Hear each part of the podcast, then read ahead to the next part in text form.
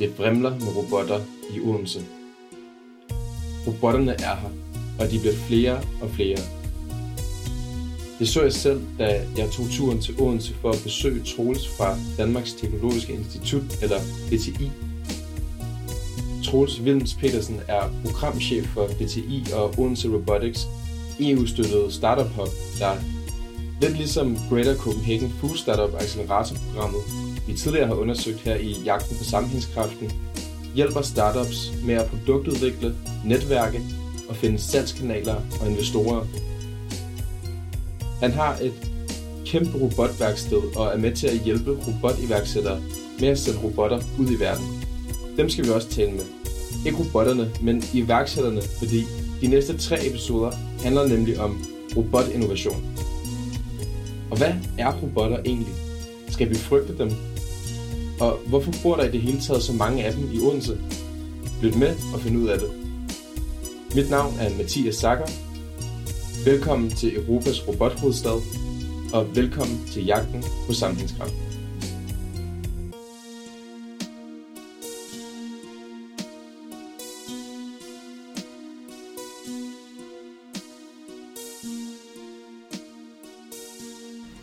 I dag har jeg taget turen til Odense, for Odense er nemlig blevet drejepunktet for robotinnovation, og her er blevet skabt et økosystem for startups, der med nye idéer inden for robot- og automatiserings- og droneteknologi kan have stor impact på specifi- specifikke sektorer, enkelte individers hverdag og påvirke hele samfundet og den grønne omstilling.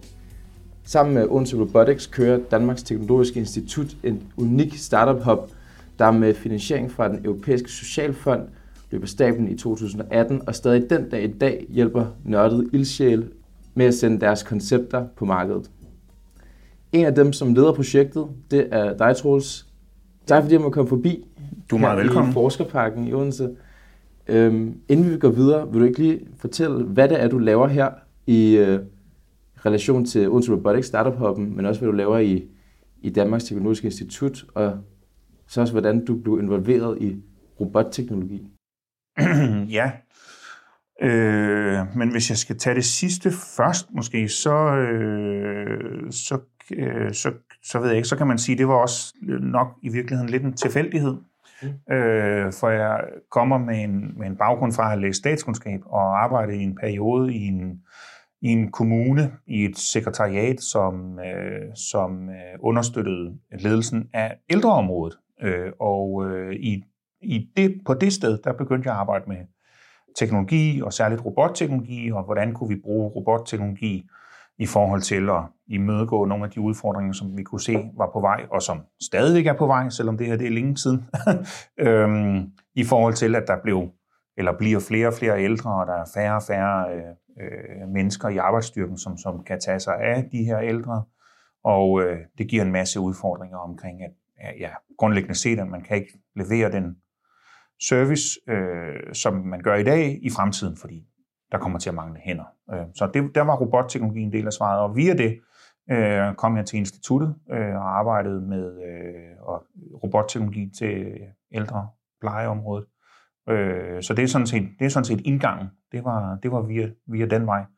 Og nu har jeg efterhånden været på instituttet i 13-14 år øh, og arbejdet med øh, innovation af, og udvikling af robotteknologi i en hel masse forskellige brancher, fordi jeg, jeg, jeg fandt ud af, at øh, jeg, det, var, det, var det, der, det var det, jeg synes var særligt interessant, det var at være med til at starte arbejdet op med robotteknologien i en række nye områder. Så det er sådan kendetegnet min, min opgave øh, her på instituttet i de sidste, de sidste godt 10 år. Og det er så også det, I laver i Hoppen, netop at skabe eller hjælpe nye startups med at, at, at, at få deres idé videre kommercialiseret, hvis, øh, hvis man kan sige det sådan. Ja, fuldstændig. Og der er det jo så, øh, der er det jo så helt eksterne virksomheder. Der er nogle initiativrige og idérige og, og typisk også utrolig arbejdsomme øh, mennesker, som har fundet et eller andet hul i markedet, og som kan adresseres med noget robotteknologi. Øh, og de kommer så her og, øh, og får noget, øh, noget, øh, noget hjælp øh, til øh, nogle, rim, i virkeligheden nogle rimelig basale ting, men noget, som kan gøre øh, kæmpestor forskel for sådan et tidligt øh, founder-team i deres rejse med at og, ja, og erobre verden med deres robotteknologi. Hvad er det typisk for nogle udfordringer, man står overfor som en øh, robot-startup? Ja, men der, øh, der kan selvfølgelig være, øh, der, der kan være forskellige, også lidt afhængig af, hvor moden den her startup nu er, men altså, øh, det kan være noget med at forstå sit marked. Det er i hvert fald, øh, det kan godt være en, en udfordring tit. Øh, der er mange founder-teams, som kommer primært fra en, med en teknologisk baggrund og har, øh, har mindre øh, erfaring med, med det marked, de i virkeligheden gerne vil, vil adressere. Derfor er der også faktisk nogen, der sådan lidt skifter markedsfokus undervejs. Øh, så det, det, kan være, det kan helt klart være en ting. Øh, der, der kan godt være noget med også, øh, hvad kan man sige, nogle af de sådan mere basale processer i, i, i virksomheden, som, øh, som, er, som er nyt for mange af de her founder teams. Øh, og så kan der være en masse omkring, det er typisk også altså yngre teams, altså øh, netværk, øh, viden om, hvem der laver hvad, og hvor man kan få hvad, eller hvor man kan gå hen og, og møde sine, sine leverandører eller første kunder eller sådan noget. Sådan det. Mm. Der er rigtig meget sådan nogle sådan noget uformel øh, viden også, som, som vi kan overføre til de her virksomheder i en tidlig fase. Så det er både øh, hele det forretningsmæssige aspekt af at være et startup hjælper med, men det er også det mere teknologiske aspekt, altså I er med til at videreudvikle og bygge videre på den teknologi, de har. Ja, det, det, det, vil vi, det vil vi typisk også være. Hvert, øh, hvert inkubationsforløb er, er forskelligt, fordi vi har ikke nogen, vi kører ikke med nogen sådan øh, faste ansøgningsdatoer og nogle faste øh, sådan nogle øh, undervisningsforløb eller sådan noget, man skal igennem. Vi, der er ingen opskrift? Nej, der er ingen, der er ingen, øh, der er ingen, sådan, der er ingen, der er ingen fælles ting for de her. Øh, altså, der er ikke noget, man sådan ligesom skal følge. Og nogen. Mm. Øh, vi forsøger at gøre det fuldstændig individuelt, og så ramme fuldstændig de, øh, de behov, der er i den enkelte virksomhed. Og i, en række af de der virksomheder, der vil der også være behov for, øh, for teknologisk udvikling eller hjælp til det. Øh, og det bidrager vi også med. Øh, og det, det, er jo, det er jo typisk også fordi, at robotteknologi er et ret bredt felt teknologisk set, og består jo både af noget, noget programmering, noget, altså det at skrive software fylder selvfølgelig en, en stor del, men det er slet ikke det, øh, det eneste. Der er også rigtig meget, øh, der, der, hvad kan man sige, der bliver bes, mere besværligt gjort af, at man er i fysisk interaktion med sin omverden, når man laver robotteknologi. Øh, og det kan, øh, det kan, det kan, ja, det kan det for mange måske virke altså simpelt, som en simpel videreførelse af at lave programmering, øh, men det er, øh, det, det, det er sjældent helt så simpelt. der, skal, der, der, der, der er både kodning og så den der, altså konstruktionen, ja. det fysiske. Ja. Og, ja, og så det med at bygge hardwaren jo, øh, ja. og så det med, at hardwaren er i interaktion med noget ude i ja. virkeligheden, det, det, gør det, det gør det komplekst, og der sker altid en masse ting, som man ikke har forudset, og som der ikke sker, hvis man ligesom holder sig til bare at skrive software. Der er det, der er det lidt mere, det er lidt mere, noget mere lukket rum at, at mm. arbejde i. Øhm, så, ja, men så vi hjælper de her virksomheder også med teknologi ud. I har jo nærmest øh, altså et af Danmarks fedeste sløjtlokaler. ja, kan man sige det. Det er, ja, det er sådan en robotsløjt. Ja. ja. Ja. Øh, jamen, det er rigtigt. Vi har adgang til omkring 3.000 kvadratmeter øh, øh, robotudviklingslaboratorier her, og, øh, og det, øh, det flytter de her startup-virksomheder ind i og bruger øh, på linje med, med os selv. Øh. Ja, fordi det I gør, det er, at I ikke bare tager virksomhederne ind rent altså på papiret, de bliver faktisk fysisk taget ind i bygningen og gjort en del af arbejdspladsen, og helst også placeret i området her omkring øh, det, Danmarks Teknologiske Institut i Odense. Ja, men, jamen det er rigtigt, altså vi, fordi vi har, øh, vi har, hvad kan man sige, vi har fået erfaring på og tror meget på opskriften med, at, at virksomhederne skal komme fysisk og være i faciliteterne her, både, både sammen med os selvfølgelig, øh, men også sammen med hinanden, fordi det giver en hel masse øh, øh, både sådan meget synlige direkte fordele, men det giver også en hel masse øh, sådan immaterielle fordele, som man slet ikke øh, sådan kan, kan sætte på formel. Men vi har masser af eksempler på, at at øh, instituttet har haft en gæst, som, som var på bare lige tilfældigt i vores haller her, og så blev det den første kunde for en af de her startups, og, og, og sådan nogle historier har vi rigtig mange af. Øh, så det viser noget om, at, at man kan godt udnytte nogle af de der øh, synergier, som i virkeligheden, i virkeligheden måske er lidt øh, tilfældige, men det handler jo meget om at, om, at, om, at, om at sætte den der tilfældighed lidt i system. Øh, så får vi rigtig stor øh, gavn af det. Mm. Det er ret interessant, for det er noget, som, som nu har jeg jo lavet et par, par episoder her efterhånden øh, omkring forskellige regionale klynger, og det er virkelig noget, der går igen, både om, hvis det, altså, om det er madinnovation på Vesterbro, eller om det er øh, en øh, energi øh, cleantech øh, i Sønderjylland, så det der med, at det er regionalt og samlet fysisk, at der er nogle rammer omkring klyngen, ikke bare at der er en organisation, men der er rent faktisk fysisk, nogle fysiske rammer, gør bare, at der opstår nogle shortcuts, eller ja, nogle synergier, som du sagde. Ja, ja øhm, det gør der helt klart. At man tilfældigvis lige møder en investor eller et eller andet, ikke? Jo. At, at hele det der, det, den, altså, øh, hvad kan man sige, sammen, sammenhængskraften ja. i, i øh, klyngen er noget af det, der gør, at der opstår en synergi. Ja. Og det er, en, det, er en, det, er en virkelig, det er virkelig udtalt, både på nogle af de der ting, som man, altså man kan få kunder og investorer af, at simpelthen bare være i lokalet en dag øh, ja. ved tilfældighed. Men også, øh, altså vi har jo også masser af eksempler på, øh, ja, også både at der opstår sociale relationer mellem de her startups, og, og øh, også øh, mellem folk her på instituttet og de her startups, og det giver en masse ekstra afledte øh, synergier. Øh, altså der er virkelig mange der er virkelig mange mennesker i den her lille robotklynge, øh, der, der faktisk kender hinanden, og godt kan lide hinanden, og godt kan lide at arbejde sammen. Øh, og det giver, øh, det giver øh, en, en masse gevinster, også på, på forretningssiden. Øh, så så det, øh, det er helt sikkert, at, at koblingen fra noget fysisk og så ud i, ud i, ud i forretningen, eller den der energi, der er i klyngen, den er, den, den er, der, den er der helt sikkert. Det med at komme her fysisk, det gør at man sådan øh, med det samme kobler ind i det der netværk, fordi man kommer, man kommer ikke til at sidde i sit eget lokale, eller sidde i et lokale med nogen, der arbejder med andre ting end robotteknologi, og det, der kan man sikkert også der, altså, der kan man sikkert også diskutere, hvad gør man med den der mail fra skat. Men hvis man kommer ind her, øh, så kobler man ind i et, i et netværk, hvor der er jo små 100 andre mennesker, der går rundt i lokalerne her hver dag. Øh, og de kender jo, altså de kender jo, i, hver af dem kender jo også 100, og så er det jo inden for robot, og har alle mulige øh, helt specifikke ting, og kan øh, altså øh, inden for et par minutter pege dig i retning af lige præcis den person, som har arbejdet med det problem, du sidder med nu før, eller, eller som er øh, typisk jo også, øh, Øhm, er, er vi jo et sted, hvor at, at man, har, man er i stand til at pege på, hvad kan man sige, hvem, hvem der er de bedste i, i Europa til, til den her specifikke problemstilling, du sidder med. Øh, og det kobler man så ind i, altså, øh, ja, på, med det samme, når man kommer her. Det er også noget, jeg synes er virkelig fedt ved hele det her startup-miljø, øh, som også går igen på tværs af, af sektorer, hvordan at man, at man godt kan have en idé om, at når der er konkurrence, øh, og et begrænset marked, og begrænset kapital, og begrænset investorer, så holder man kortene lidt mere tæt, mm. og ikke rigtig deler så meget. Men det virker til, at i sådan et her startup-miljø, der er folk ret villige til at, at, at hjælpe hinanden.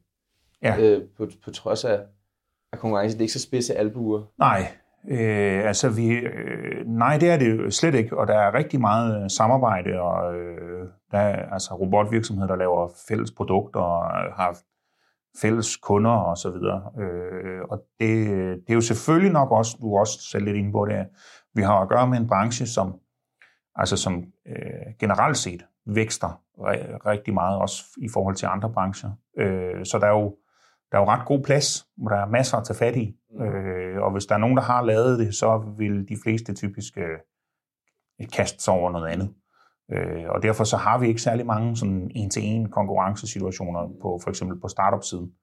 Øh, fordi at, øh, fordi at så, hvis, hvis, det, hvis det ligesom er dækket, eller der er nogen, der er i gang, så, så vil man adressere noget andet. Øh, og det gør det jo selvfølgelig også meget, meget nemmere at være åben og, og have samarbejde øh, fordi det er meget kendetegnet. Nu har du selv været med til at gå rundt i vores øh, laboratorie her, øh, og, og altså, der er jo øh, meget få lukkede døre. ja, det er folk, åbent. Ja, fysisk. Folk, meget fysisk åbent. Folk sidder simpelthen lige ved siden af hinanden ja. øh, med deres øh, projekter, mm. og det er jo stadigvæk projekter, hvor der er IPR-strategier og ja. øh, patentadvokater og sådan noget. Men, ja. men det kan sagtens lade sig Men så længe det er i orden, Ja. så, er man, så er man selvfølgelig villig til at, Ja. at Ja, ja. Men der skal, Ja. selvfølgelig, Ja. skal selvfølgelig også være i orden. Der er, noget, der er nogle ting, man lige skal være opmærksom på, og der er også nogle gange, øh, er der lige øh, et, et klæde over nogle ting og sådan noget, men, men det er... Øh, det, Det er en del af, af branchen. Ja, jo. ja det. præcis. Ja.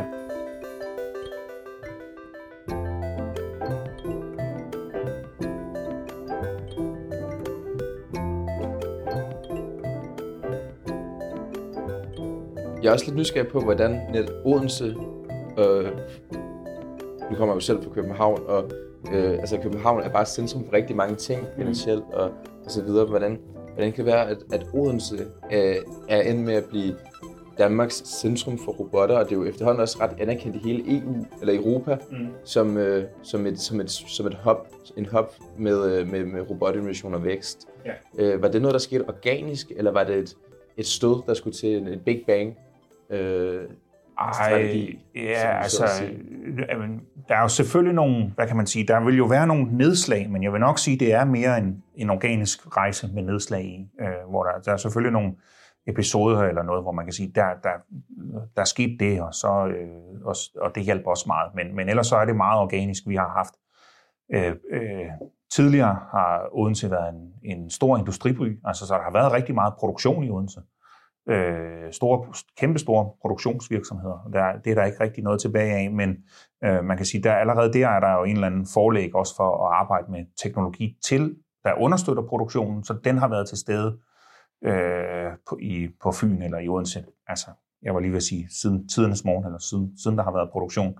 Ja. Øh, og øh, så, så har der været øh, blandt andet rigtig meget fokus på fødevareautomatisering, øh, allerede også tilbage for 50-60 år siden, og vi har stadigvæk virksomheder.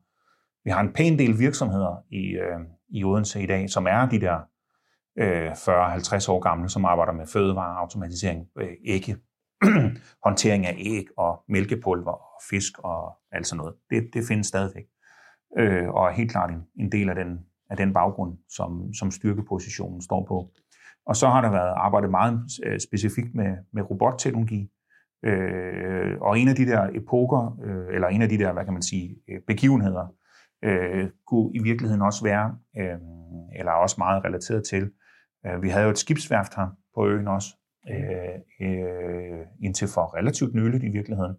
Øh, og der arbejdede man meget med, med svejserobotter, og øh, da, man, da man øh, faktisk i takt med, at man stoppede den udvikling, så sad der øh, nogle mennesker, som havde arbejdet med robotteknologi, øh, en periode på det her skibsværft, som, som lige pludselig skulle finde på noget nyt at lave. Og de lavede, rigtig mange af dem lavede virksomheder, robotvirksomheder. Øh, og, øh, og det er nok sådan, hvad kan man sige, det er sådan første generation. Øh, dem er der kun nogle enkelte tilbage af, og der var heller ikke vildt mange, men altså, Hvornår var det cirka?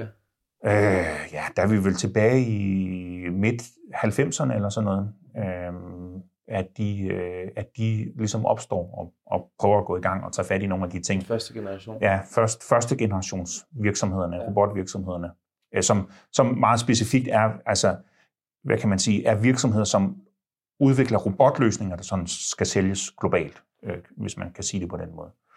Øh, og øh, ja, så i, for, i forbindelse med det faktisk, der, der, der, der bliver også søsat en hel masse innovationsprojekter. Øh, så der er, en, der er en, en masse folk, der, der, der finder på alle mulige nye ting, vi skal bruge robotteknologi øh, til, øh, og, øh, og får søsat en hel, en hel række innovationsprojekter inden for robotteknologi, hvor øh, vi laver alt muligt, lige fra at plukke æbler til, øh, til følge noget industri, industrihåndtering øh, og ja, alle mulige andre ting. Øh, og så, øh, så en, en, en, hvad kan man sige, en, nok en næste meget markant øh, milepæl i det der, det er, den, det er den fokus, der kommer på det, vi kalder, i dag kalder for kollaborative robotter. Øh, og det er jo især det, som Klyngen i dag er, er, er, er kendt for at have opbygget øh, noget internationalt volumen på. Det er, de her, det er den her særlige type af øh, industrirobotter, som er beregnet til at arbejde tæt sammen med mennesker øh, uden at være hegnet ind, mere, mere betragtet som et, et værktøj, man kan tage ned fra hylden, og øh, som, øh, som medarbejderne i produktionen ikke ingeniørerne på et eller andet kontor et eller andet sted, men, men som medarbejderne ude i produktionen kan sætte op til at gøre forskellige ting. Og de her kollaborative robotter er en stor del af, af den styrkeposition, vi har i dag, og øh, så også det salg, der sker. Vi har jo for, ja, hvad er det om efterhånden? Øh, 6, 7, 8 år siden, jeg, jeg, jeg husker ikke det specifikke tidspunkt, øh, så øh, bliver den største og første af de her kollaborative robotvirksomheder øh, solgt, øh, og det giver øh, for et ret stort beløb, omkring 2 milliarder. Øh, og øh, det giver en masse ny fokus og ny kapital i, øh, i miljøet her, som, som bliver reinvesteret i, i udvikling af nye øh, robotvirksomheder og nye robotteknologier, og det giver en masse ekstra fokus på, på de muligheder. Og så, øh, øh, så altså en, en masse baggrund for at vækste yderligere. Så, så der, kan man, og der har man også fået ligesom den første og største, meget, meget synlige øh, bevis for, at det kan godt lade sig gøre at oprette en, eller bygge en global øh, virksomhed i Odense, som producerer robotter. Øh, og det er, der, det er der rigtig mange, der har taget der har taget til sig efterfølgende. Og der er mange, der er i gang med den rejse nu. Og der er også nogen, der har, der har færdiggjort den, øh, og der er kommet exits til tidligere øh, eller senere. Øh, også i samme klasse, og også nogle mindre. Så, så det, det er...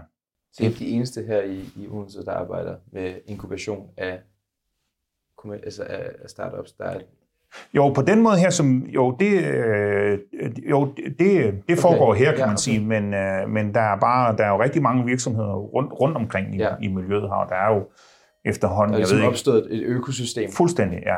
Øh, omkring ja. området her. Ja. Præcis, og der er jo, nu ved jeg ikke, hvor meget vi er oppe i efterhånden, der er nok små 200 robotvirksomheder i dag på Fyn. Øh, wow. Øh, og en hel del af dem er sådan nogle af den type her, som, som producerer robotprodukter. Ja der skal sælges globalt.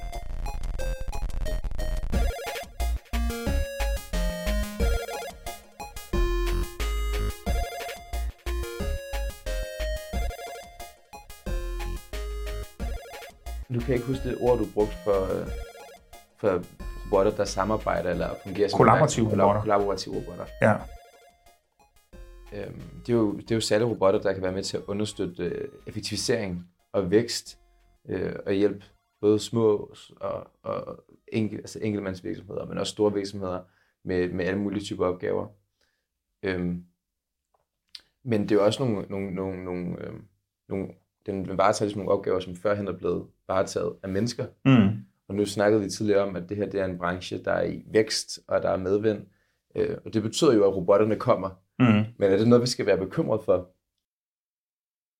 Nej, øh, tværtimod vil jeg sige, fordi øh, vi ved samtidig også, og det har vi jo ret, hvad kan man sige, det har vi jo ret dybe og, og, og valide data på efterhånden, at, at de virksomheder, som faktisk tager de her robotter til sig, øh, de vækster mere end, end virksomheder, som man kan sammenligne dem med, og de vækster faktisk så meget, at de ansætter flere folk.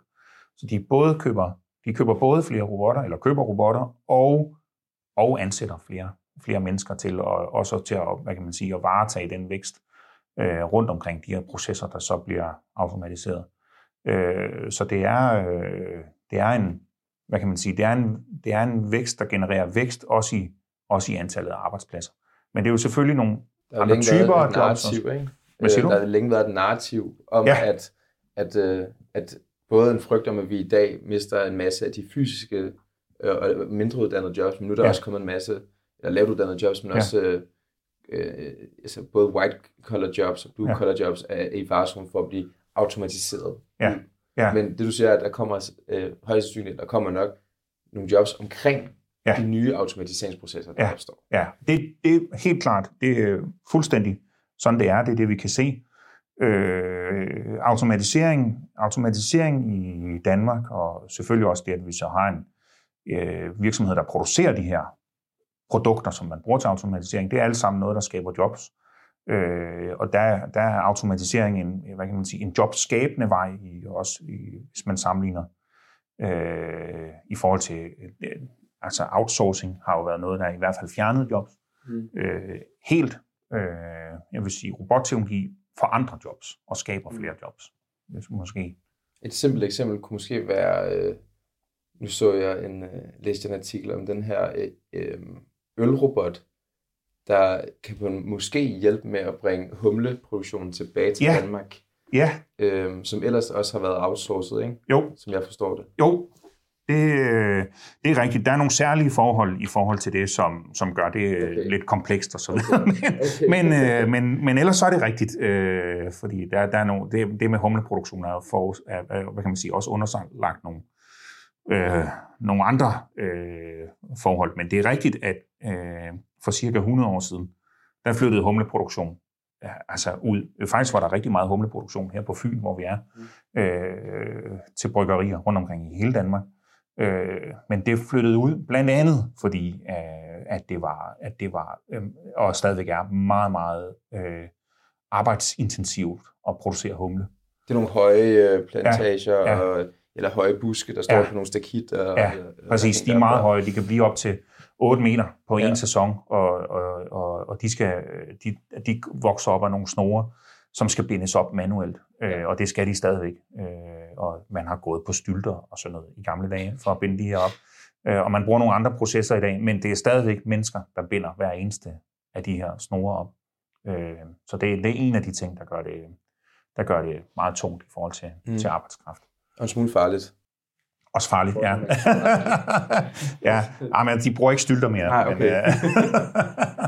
Men, øh, men, øh, men, øh, men, det, men, men der er stadigvæk masser af andre eksempler øh, på, øh, på processer, som kan tages hjem, eller som man kan undgå at outsource øh, til lavtlønslande, fordi at man introducerer robotteknologi.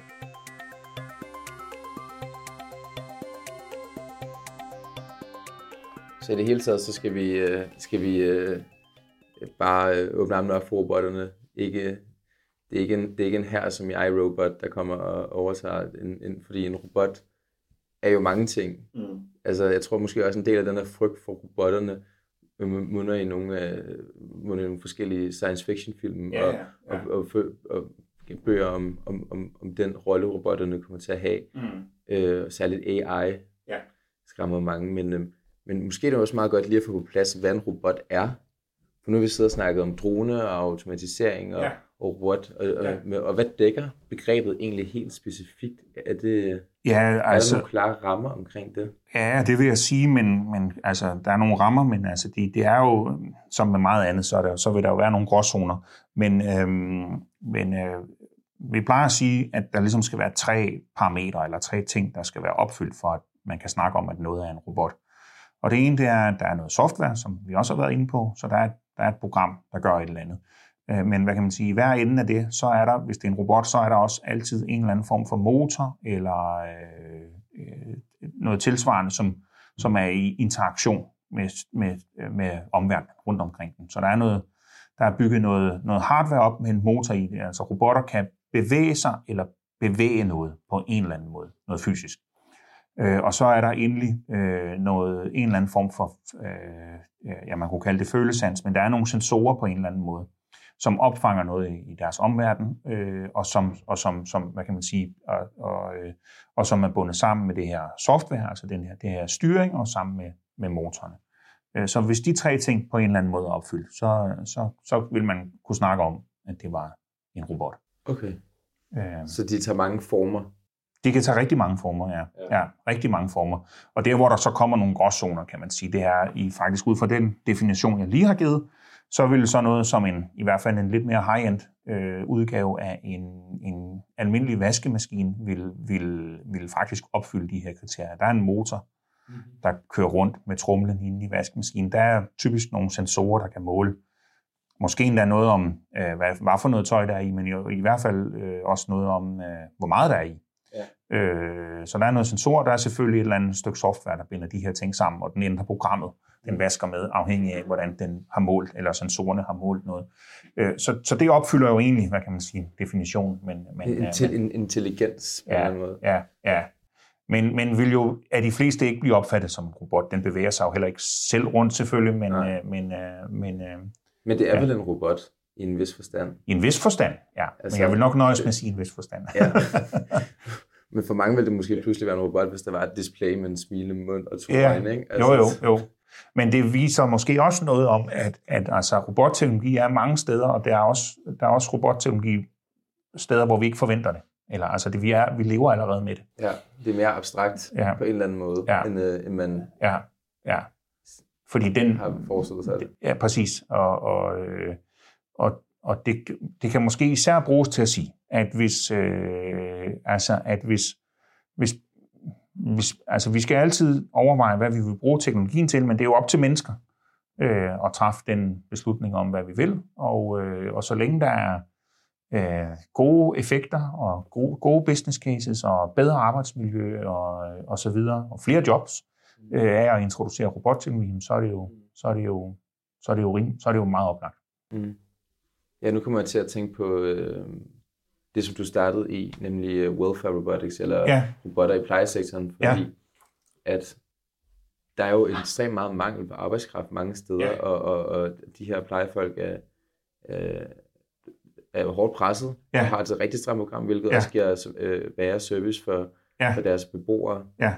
Og øh, her kunne man forestille sig en robot, i stedet for at komme og swap den her arbejder væk, ja. kunne hjælpe med at løfte presset, så ja. man kunne hurtigere nå igennem, øh, ja, fuldstændig. tid til omsorg. Ja, ikke? fuldstændig. Øh, frem for at ja, ja der, der det vil ikke blive, altså det vil ikke, der vil ikke blive, der vil ikke blive tale om at fyre folk, for der mangler jo mm. øh, medarbejdere i sektoren, og vil komme til at mangle endnu flere.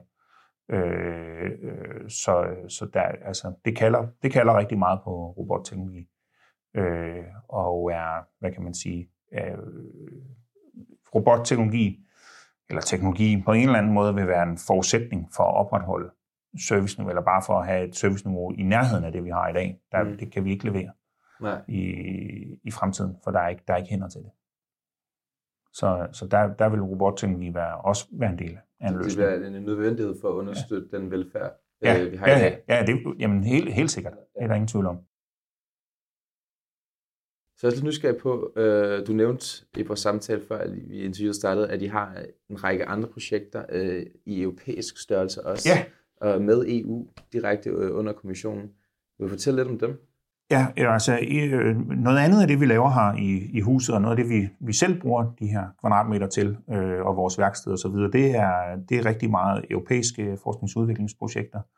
Øh, vi har i en årrække, hvad kan man sige, meget bevidst arbejdet på at, at arbejde sammen med, med nogle, hvad kan man sige, ligesindede, eller nogle andre øh, meget stærke miljøer i Europa inden for udvikling af robotteknologi, øh, særligt med henblik på at, at bringe det her teknologi øh, ud til gavn for, for danske virksomheder, typisk produktionsvirksomheder, men, men bredt i Danmark. Øh, så vi har, vi har øh, over de sidste 10 år eller sådan noget arbejdet med øh, øh, ja, at opbygge den der tilstedeværelse i europæiske projekter og deltager i dag i en, i en hel masse europæiske forskningsprojekter, som, er, øh, som udvikler robotteknologi og laver robotinnovation, øh, og som er sammen med nogle, med nogle stærke partnere i, i især sådan nogle lande som øh, Tyskland, Italien og Spanien og Frankrig, Holland, ja, andre steder også. Mm. Øh, og det, øh, det er noget, vi har det er noget, vi har, øh, det er noget, der er til rigtig stor gavn for, for danske virksomheder. Vi kan også se, at, at det er med til at trække øh, europæiske udviklingsmidler ind til danske virksomheder. Øh, så, øh, så det er noget, øh, hvad kan man sige, det er, en, det er, en, det er noget, der understøtter udviklingen i, i Danmark øh, inden for automatisering rigtig kraftigt. Øh, fordi at man kommer ud og er med til at udvikle, øh, hvad kan man sige, nogle, nogle fremtidens løsninger, øh, også i et internationalt perspektiv. Og der har der, der er de øh, udviklings- eller robotudviklingsprojekter, som EU-kommissionen finansierer, øh, helt centrale og, og, ja, og blandt de vigtigste øh, mm. i det internationalt set. Det er faktisk øh, unikt. Øh, også kan vi se, når vi sammenligner med, mm. med andre lande, også andre meget store, og også industrilande, at vi har adgang til relativt mange, kan vi måske bare sige, øh, øh, midler, der understøtter ja. innovation af robotteknologi til, øh, jeg var lige ved at kalde det fredelige formål, men altså til industriel... Altså til kollaborative robotter. Til. Blandt andet kollaborative robotter, ja. ja. Øh, og det er, en, det, er en, det er en europæisk, det er, det er en særlig europæisk tradition øh, at stille de midler til rådighed. Så det, det er noget, vi har, vi har stor gavn af. Øh, både os her, men altså også i, i danske virksomheder og på danske arbejdspladser. Altså det er jo fantastisk, at, at EU-midler kan være med til at understøtte robotinnovation i Odense, som så der, øh, derefter kan være med til at udvikle teknologi, som kan understøtte små danske virksomheder landsdækkende, mm. yeah. øh, og så samtidig skabe øh, altså, muligheder for, for eksport, eksport ikke, af de her danske løsninger, danske udviklede løsninger. Det er jo ja. andet helt vildt fedt, at, at, vi har sådan et system kørende. Ja, altså det, er øhm, det, er jo, det, det har vi, og det er også relativt... så mange niveauer, ja. og det er jo også ja. teknologiske løsninger, som, kan, som, som gavner en, de enkelte mennesker, om det er velfærdsteknologi, ja. øh, eller om det er løsninger, der, der, der kan hjælpe øh, en, en, en, en, bunde, en, en humlebunde med at, ja. med at effektivisere sin høst. Ja, præcis. Øh, ja, men altså, det, det, sådan et system øh, er operationelt, eller hvad man skal sige, og, og det er også øh, relativt unikt europæisk, så det er jo det er noget, vi har stor gavn i.